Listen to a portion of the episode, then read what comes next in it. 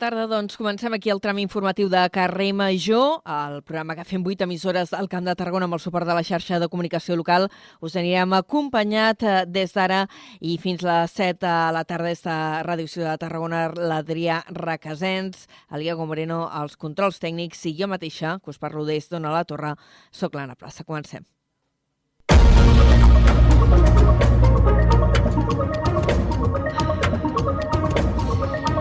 I pendents hores d'ara d'un incendi que s'ha declarat aquesta tarda al municipi de Vandellós i estan treballant una quinzena de dotacions de bombers.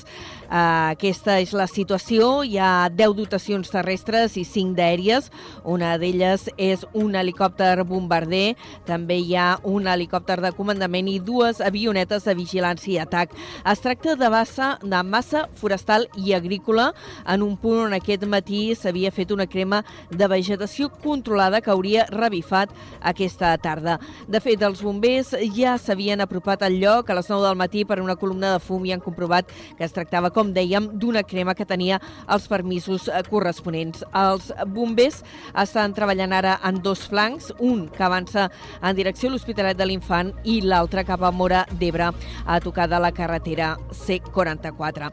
Tot plegat arriba en un context d'extrema sequera i en què 40 municipis de la demarcació de Tarragona han entrat, ho feien ahir dimarts, en situació d'excepcionalitat per sequera.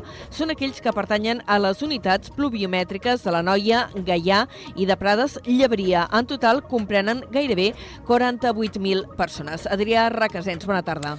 Bona tarda. Hi ha 5 que són del Tarragonès, 11 del Baix Camp, 11 de la Conca i 10 més de l'Alt Camp. Entre els municipis afectats hi ha l'Espluga de Francolí, Santa Coloma de Caral i la Riera de Gaià i també Salomó. La portaveu del govern, Patricia Plaja, detalla les restriccions que s'apliquen un pas més en la reducció d'aigua en alguns usos, com per exemple en el 40% en els usos agrícoles, la reducció del 15% per a usos industrials, també menys aigua per a usos lúdics i la prohibició del, del rec de zones verdes, tant siguin públiques com privades. També se'ls prohibeix la neteja de carrers amb aigua potable i es redueix la dotació mitjana per habitant i dies. Al total del país, el govern ha doblat el nombre de municipis que estan en situació d'excepcionalitat, passant de 224 a 495. El Departament d'Acció Climàtica del Govern català ha articulat una xarxa territorial per seguir cada setmana l'afectació de la sequera al sector agrari. L'objectiu és recollir informació de cada comarca per avaluar la situació en temps real i poder així actuar de forma precisa. La informació es detallarà segons el tipus de cultiu, les hectàrees i el grau d'afectació i en funció d'aquestes dades el departament prendrà mesures per fer front a la situació. L'objectiu és que cap productor hagi de cessar l'activitat a causa d'aquesta sequera. I més qüestions seran encara relacionades amb aquest eh, context. L'Espluga de Francolí és un dels municipis del nostre territori que està més afectat eh, per la sequera i ara està treballant per localitzar nous pous. Fa mesos que es treballa amb un geòleg que busca possibles nou punts d'extracció d'aigua. Des de l'Espluga FM Ràdio, Pep Morató. Fins al moment, les mostres no han donat bons resultats i l'Ajuntament de l'Espluga de Francolí ha decidit contractar també un saurí, un ofici dedicat a la cerca d'aigua habitualment amb bares o pèndols. Els treballs tampoc han mostrat grans resultats i clauen que la situació és extrema al municipi. Tot i això, el saurí ha proposat algunes solucions al consistori que es troben en fase d'estudi. El regidor de Serveis Municipals de l'Espluga, Xavier Rossell, en parla. Ficat també que la situació de l'Espluga no és fàcil, és complicada, no tenim punts per anar a buscar aigua i que ens sobrarà, per tant sí que ens ha fet eh, alguna proposta i ens farà alguna proposta més. Ara es continua treballant en la cerca de nous recursos naturals pel municipi i es demana a la població un ús racional de l'aigua. De fet, el municipi encara continua amb talls nocturns d'aigua.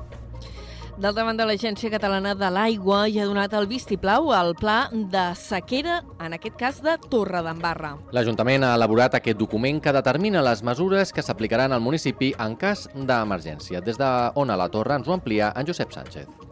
Això sí, ha suggerit alguns canvis i des de la regidoria de sostenibilitat estan ara treballant en la incorporació d'aquests petits detalls. És el que ha explicat la tècnica de sostenibilitat de l'Ajuntament de Torredembarra, Eli Forés, que ha comentat que l'ACA ha demanat aclarir algunes de les dades que apareixen al pla. O sigui, ja està aprovat. L'única cosa que hem de fer és incorporar les quatre coses que ens han demanat. Eh, Vam donar unes dades anuals i ens demanen que les disgreguem mensualment, vull dir, coses d'aquestes, no? Petits detalls que fan que, a a més, ens han dit que si podem incorporar algunes mesures més, que ells al seu entendre creuen que podem incorporar. Forés també ha comentat que durant aquest mes de maig volen posar en marxa una campanya de comunicació i sensibilització davant la situació de sequera que es viu. Torredembarra es troba ara en fase de prealerta, però cal preveure ja que la situació es pot complicar a curt termini. I enmig d'aquest context general de sequera, a més de l'escassetat d'aigua, el que preocupa i molt és el risc d'incendi. Ara començàvem parlant de la situació que està vivint aquesta tarda a l'Hospitalet. A Altafulla ja s'estan preparant també per fer front a possibles emergències. De fet, la policia local, la companyia d'aigües i diversos tècnics municipals han revisat la xarxa d'hidrants per assegurar que funcionen correctament. Des d'Altafulla Ràdio ens en dona més detalls la Carol Cubota. La situació de sequera ha fet activar les mesures de prevenció en diversos àmbits a Altafulla i un d'aquests és la revisió de les eines amb què es compta per fer front als incendis. La xarxa d'hidrants és bàsica per poder donar una resposta ràpida en cas de foc i perquè els bombers puguin connectar-hi les mànegues i nodrir-se d'aigua. En aquest sentit, el sergent de la policia local d'Altafulla, Jordi Gil, ha explicat que tècnics municipals, membres de l'empresa d'aigües i els agents del cos policial han revisat els punts de captació d'aigua que hi ha distribuïts a la vila. El risc d'incendi és eh, a tota Catalunya i hem d'estar previnguts i eh, a prendre mesures abans de que patim algun incendi important. Preveiem eh, que aquesta situació empitjorarà de cara a l'estiu. Eh, què hem fet des de serveis tècnics municipals de l'Ajuntament, des del Servei d'Aigües Municipal i des de la policia local, hem fet una comprovació de tots aquells hidrants que hi ha al nostre municipi L'ús dels hidrants Altafulla es complementa amb els dipòsits de Sant Antoni i de Brises del Mar, que també han revisat els tècnics. Totes aquestes connexions presenten unes bones condicions i una pressió d'aigua per damunt dels mínims exigits legalment. Moltes gràcies, Carol. I a més de la sequera, de la falta d'aigua, avui també estem pendents dels trens. Continuen les afectacions en el servei ferroviari de Rodalies i regionals per la greu avaria que hi va haver dilluns a la nit a Gavà i que ahir va provocar un autèntic desgavell en el servei ferroviari. Avui els trens regionals que uneixen el Camp de Tarragona amb Barcelona, és a dir, la R13, 14, 15, 16 i 17, tenen un tren per hora i sentit en parada a totes les estacions entre Sant Vicenç de Calders i Barcelona. A més, Renfe ha habilitat busos cada 30 minuts durant l'hora punta per reforçar així el servei afectat per la incidència de la R2 Sud entre el Garraf i Barcelona. El secretari general d'Infraestructures del Ministeri, Xavier Flores, explicava ahir a la tarda que la incidència és de les pitjors que es pot tenir i que trigarà dies en resoldre's. Recuperar una normalitat que sabem que no pot ser immediat, però que progressivament intentarem recuperar. S'han de destinat, i jo crec que aquí també s'ha de reconèixer, els recursos humans eh, i tècnics perquè aquesta greu incidència de les... i a partir d'aquí anar evolucionant per recuperar, esperem que en tres setmanes, tres, quatre setmanes, si pot ser menys, menys, poder recuperar la normalitat. Intentarem que sigui de forma progressiva. Aquesta greu avaria hauria estat provocada per la caiguda d'un llamp al quadre de senyalització a Gavà. Davant d'aquest nou episodi de caos ferroviari, el govern català ha convocat Renfe i Adif a una reunió per reclamar solucions i mesures extraordinàries. I encara parlant de trens, la plataforma Mercaderies per l'Interior està satisfeta amb l'acceptació que està tenint, diuen, la seva proposta de línia segregada per als convois de mercaderies. Ja fa setmanes que la plataforma s'està reunint amb els ajuntaments i ara, a la porta de les municipals, també està presentant la seva proposta als partits polítics. Aquest dimarts, per exemple, ha fet una sessió informativa a la seu de Junts per Torredembarra. El portaveu de la plataforma, Eugeni Sedanos, s'ha mostrat satisfet amb el consens que està generant la seva proposta. De moment tothom ens diu que sí, a més això ha estat molt, és molt important perquè va ser una de les condicions que el Ministeri eh, de, de Transports ens va posar, és a dir, que hi hagués un consens de territori, que no hi hagués cap alcalde que s'hi oposés amb aquest nou traçat. A partir d'això, doncs, que ho estudiarien. No? Sedano insisteix que la implantació del tercer fil provocarà un coll d'ampolla a Tarragona, ja que s'incrementarà molt el pas dels trens de mercaderies. Per la línia de costa hi confluiran tots els trens en ample estàndard o en ample ibèric procedents del sud i del centre de la península. Com a alternativa provisional, mentre no es fa la nova línia per l'interior, la plataforma proposa aprofitar les vies existents i una part del traçat de l'AVE, que requeriria una inversió mínima en la connexió de l'Arbós entre 50 i 60 milions d'euros. I més qüestions d'àmbit territorial. Els serveis territorials de justícia ja s'han traslladat a l'antiga presó de Tarragona, l'Avinguda República Argentina. És allí on des d'ara es poden fer tràmits com, per exemple, el registre d'associacions, el registre de parelles de fet o els tràmits per ser beneficiari del servei de justícia gratuïta. Amb aquest eh, trasllat, Justícia calcula que s'estalviarà 100.000 euros en lloguer. Fins ara la seu estava en uns baixos del carrer Antoni Maria Claret a tocar de la Imperial Tàrraco. L'antiga presó és una ubicació provisional. Per adequar l'espai s'hi ha hagut de fer obres d'adequació. La previsió és que les oficines territorials de justícia s'hi estiguin a 4 anys fins al 2027, que és quan es calcula que estarà llest el nou edifici del Fòrum Judicial que aglutinarà tots els òrgans judicials de la ciutat. I parlant de justícia, en aquest cas, un grup d'escaputxats, d'encaputxats, volem dir, han assaltat dos domicilis de l'Alcamp, a Figuerola i Alcover a plena llum del dia. Els Mossos eh, detenen un dels eh, implicats i mantenen oberta també la investigació per localitzar la resta dels lladres. Des de Ràdio Ciutat de Valls té tots els detalls en David Prats. Els fets van succeir entre dos quarts de quatre i les quatre de la tarda. El primer robatori es va produir en una casa de Figuerola del Camp, on hi havia el propietari a dins, i es van endur alguns objectes i després van fugir. Més tard entraven en un domicili del Cuber. Al llarg de la tarda vespre, la policia va desplegar un dispositiu per capturar els lladres amb les unitats de l'Arro i l'helicòpter. Fins al moment, els Mossos d'Esquadra han detingut un home de 29 anys de nacionalitat espanyola i la investigació continua oberta per trobar els altres assaltants anys. L'arrestat passarà aviat a disposició judicial com a presumpte autor dels robatoris amb intimidació.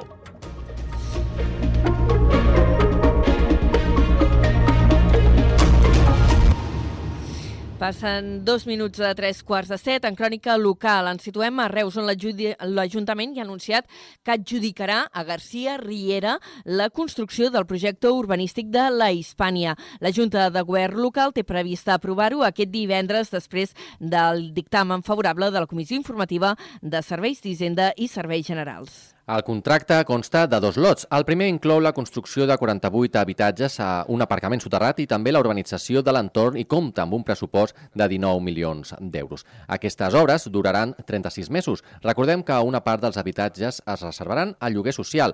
El lot número 2 del contracte correspon a l'equipament del nou pàrquing que suposarà una inversió, en aquest cas, de 2,9 milions. Aquests treballs es faran un cop estigui enllestida l'estructura de formigó de l'aparcament i hauran de durar un màxim màxim de 8 mesos.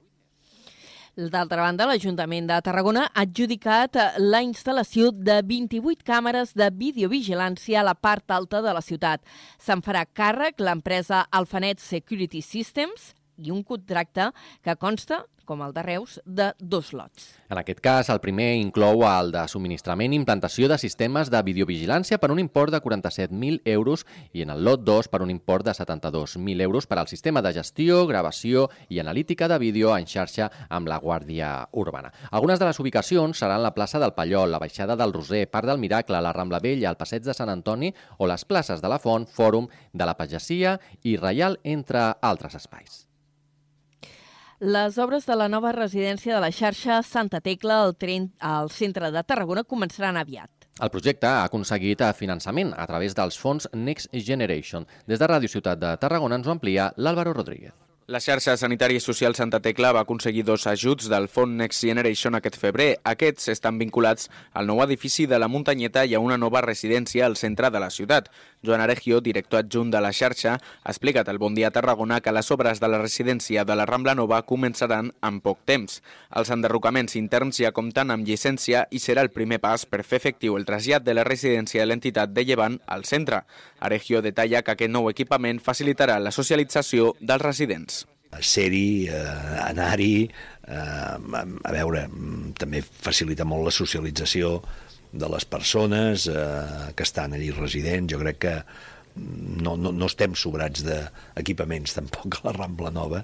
Mm. És important tenir residències a qualsevol lloc, però si tens l'oportunitat de que estigui en aquest cas en el ben mig de la ciutat. Pel que fa a l'equipament de la muntanyeta Bonavista, disposa d'un projecte redactat, pendent encara de llicència municipal. Tots dos projectes han d'estar acabats abans del 2026, tal com marquen les directrius europees.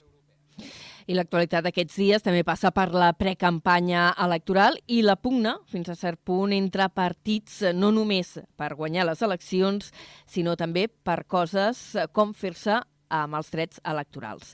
Junts i ara Pacte Local eh, han arribat a la conclusió que s'hauran de repartir els drets electorals de l'antiga Convergència i no ho han fet eh, per un acord eh, entre les dues formacions, sinó en base a una resolució de la Junta Electoral Central. I és que a Tarragona aquesta decisió afecta les llistes de Jordi Cendra, que lidera Junts per Catalunya, i Marginer, amb sí Tarragona, candidatura de coalició entre el PDeCAT i ara pacte local. Cendra ha celebrat aquesta resolució que els permetrà tenir més visibilitat de la campanya. El més important és que la ciutadania ens vegi com un partit rellevant. I avui per avui, eh, Junts és un dels tres partits que pot accedir a l'alcaldia de Tarragona. Per tant, benvinguts els drets electorals, que ens ajudaran a visualitzar-nos. Però importants eh, ja ho som amb o sense drets electorals. Cendra ho celebra tenint en compte que inicialment el PDeCAT i ara Pacte Local era qui optaven a mantenir els drets electorals d'aquesta antiga convergència. Seguim en crònica local eh, i parlant d'acords de plenari. En aquest cas, l'Ajuntament de Vandellós ha aprovat definitivament l'ordenança municipal que regula els habitatges d'ús turístic al municipi. El text s'ha aprovat en el plenari d'aquest dimarts, un cop resoltes les al·legacions eh, presentades. Des de Ràdio L'Hospitalet ens ho explica l'Iris Rodríguez. El ple de l'Ajuntament de Vandellós i l'Hospitalet de l'Infant ha aprovat definitivament l'ordenança municipal reguladora dels habitatges d'ús turístic, amb els vots a favor del PSC i de Ciutadans, l'abstenció de Junts per Cat i els vots en contra de la FIC, RC, la CUP i el PP. Aquesta nova ordenança servirà per regular les obligacions dels propietaris i les empreses gestores dels habitatges d'ús turístic del municipi, tant pel que fa a la formalització de la comunicació prèvia de l'activitat a l'Ajuntament, com pel que fa al compliment de les obligacions que aquestes persones hauran d'assumir per prestar un servei de qualitat. També permetrà fixar uns límits màxims d'habitatges turístics per zones, per garantir un equilibri just entre l'exercici d'aquesta activitat i l'activitat diària del veïnat. Els objectius d'aquesta ordenança són garantir la prevalença del dret a l'habitatge, assegurar assegurar l'equilibri del teixit social existent i permetre un desenvolupament urbanístic i econòmic sostenible i equilibrat. Moltes gràcies, a Iris, per aquesta crònica de l'actualitat municipal a l'Hospitalet i tancarem aquest bloc eh, situats també al sud de, de la comarca del Baix Camp per parlar del Primavera Van, un certamen que tindrà lloc eh, des de demà dijous i fins eh, diumenge 7 de maig a la playa, al Playa Montroig Camping Resort. Aquest és el festival de furgonetes camper més gran a Espanya i que preveu una participació rècord amb més de 1.000 vehicles inscrits i 4.000 assistents. Des de BXR Ràdio ens ho explica la Laura Navarro. Torna al Festival de Furgonetes Camper més gran d'Espanya, aquest cop a la Playa Montroig Camping Resort, un dels càmpings més premiats del sector. A partir d'aquest dijous 4 fins al pròxim 7 de maig es preveu la participació de més de 1.000 vehicles i 4.000 assistents, un rècord fins al dia d'avui. Al llarg dels dies, el Primavera Van comptarà amb concerts musicals, activitats infantils i tallers pensats per tots els públics. Noemi Casanovas, portaveu i cofundadora de Primavera Van, explica que aquest any les entrades estan exaurides tenim sold out, tan exaurides les, les entrades ja, perquè cada any, ja des de fa diversos anys, ja uh, un mes abans, hem, hem, hem hagut de, de penjar el cartell de sold out un mes abans. A més, aquesta setena edició serà un esdeveniment referent per conèixer el turisme desconegut de la zona, entrar en contacte amb la natura i contribuir en l'economia dels llocs no habituals.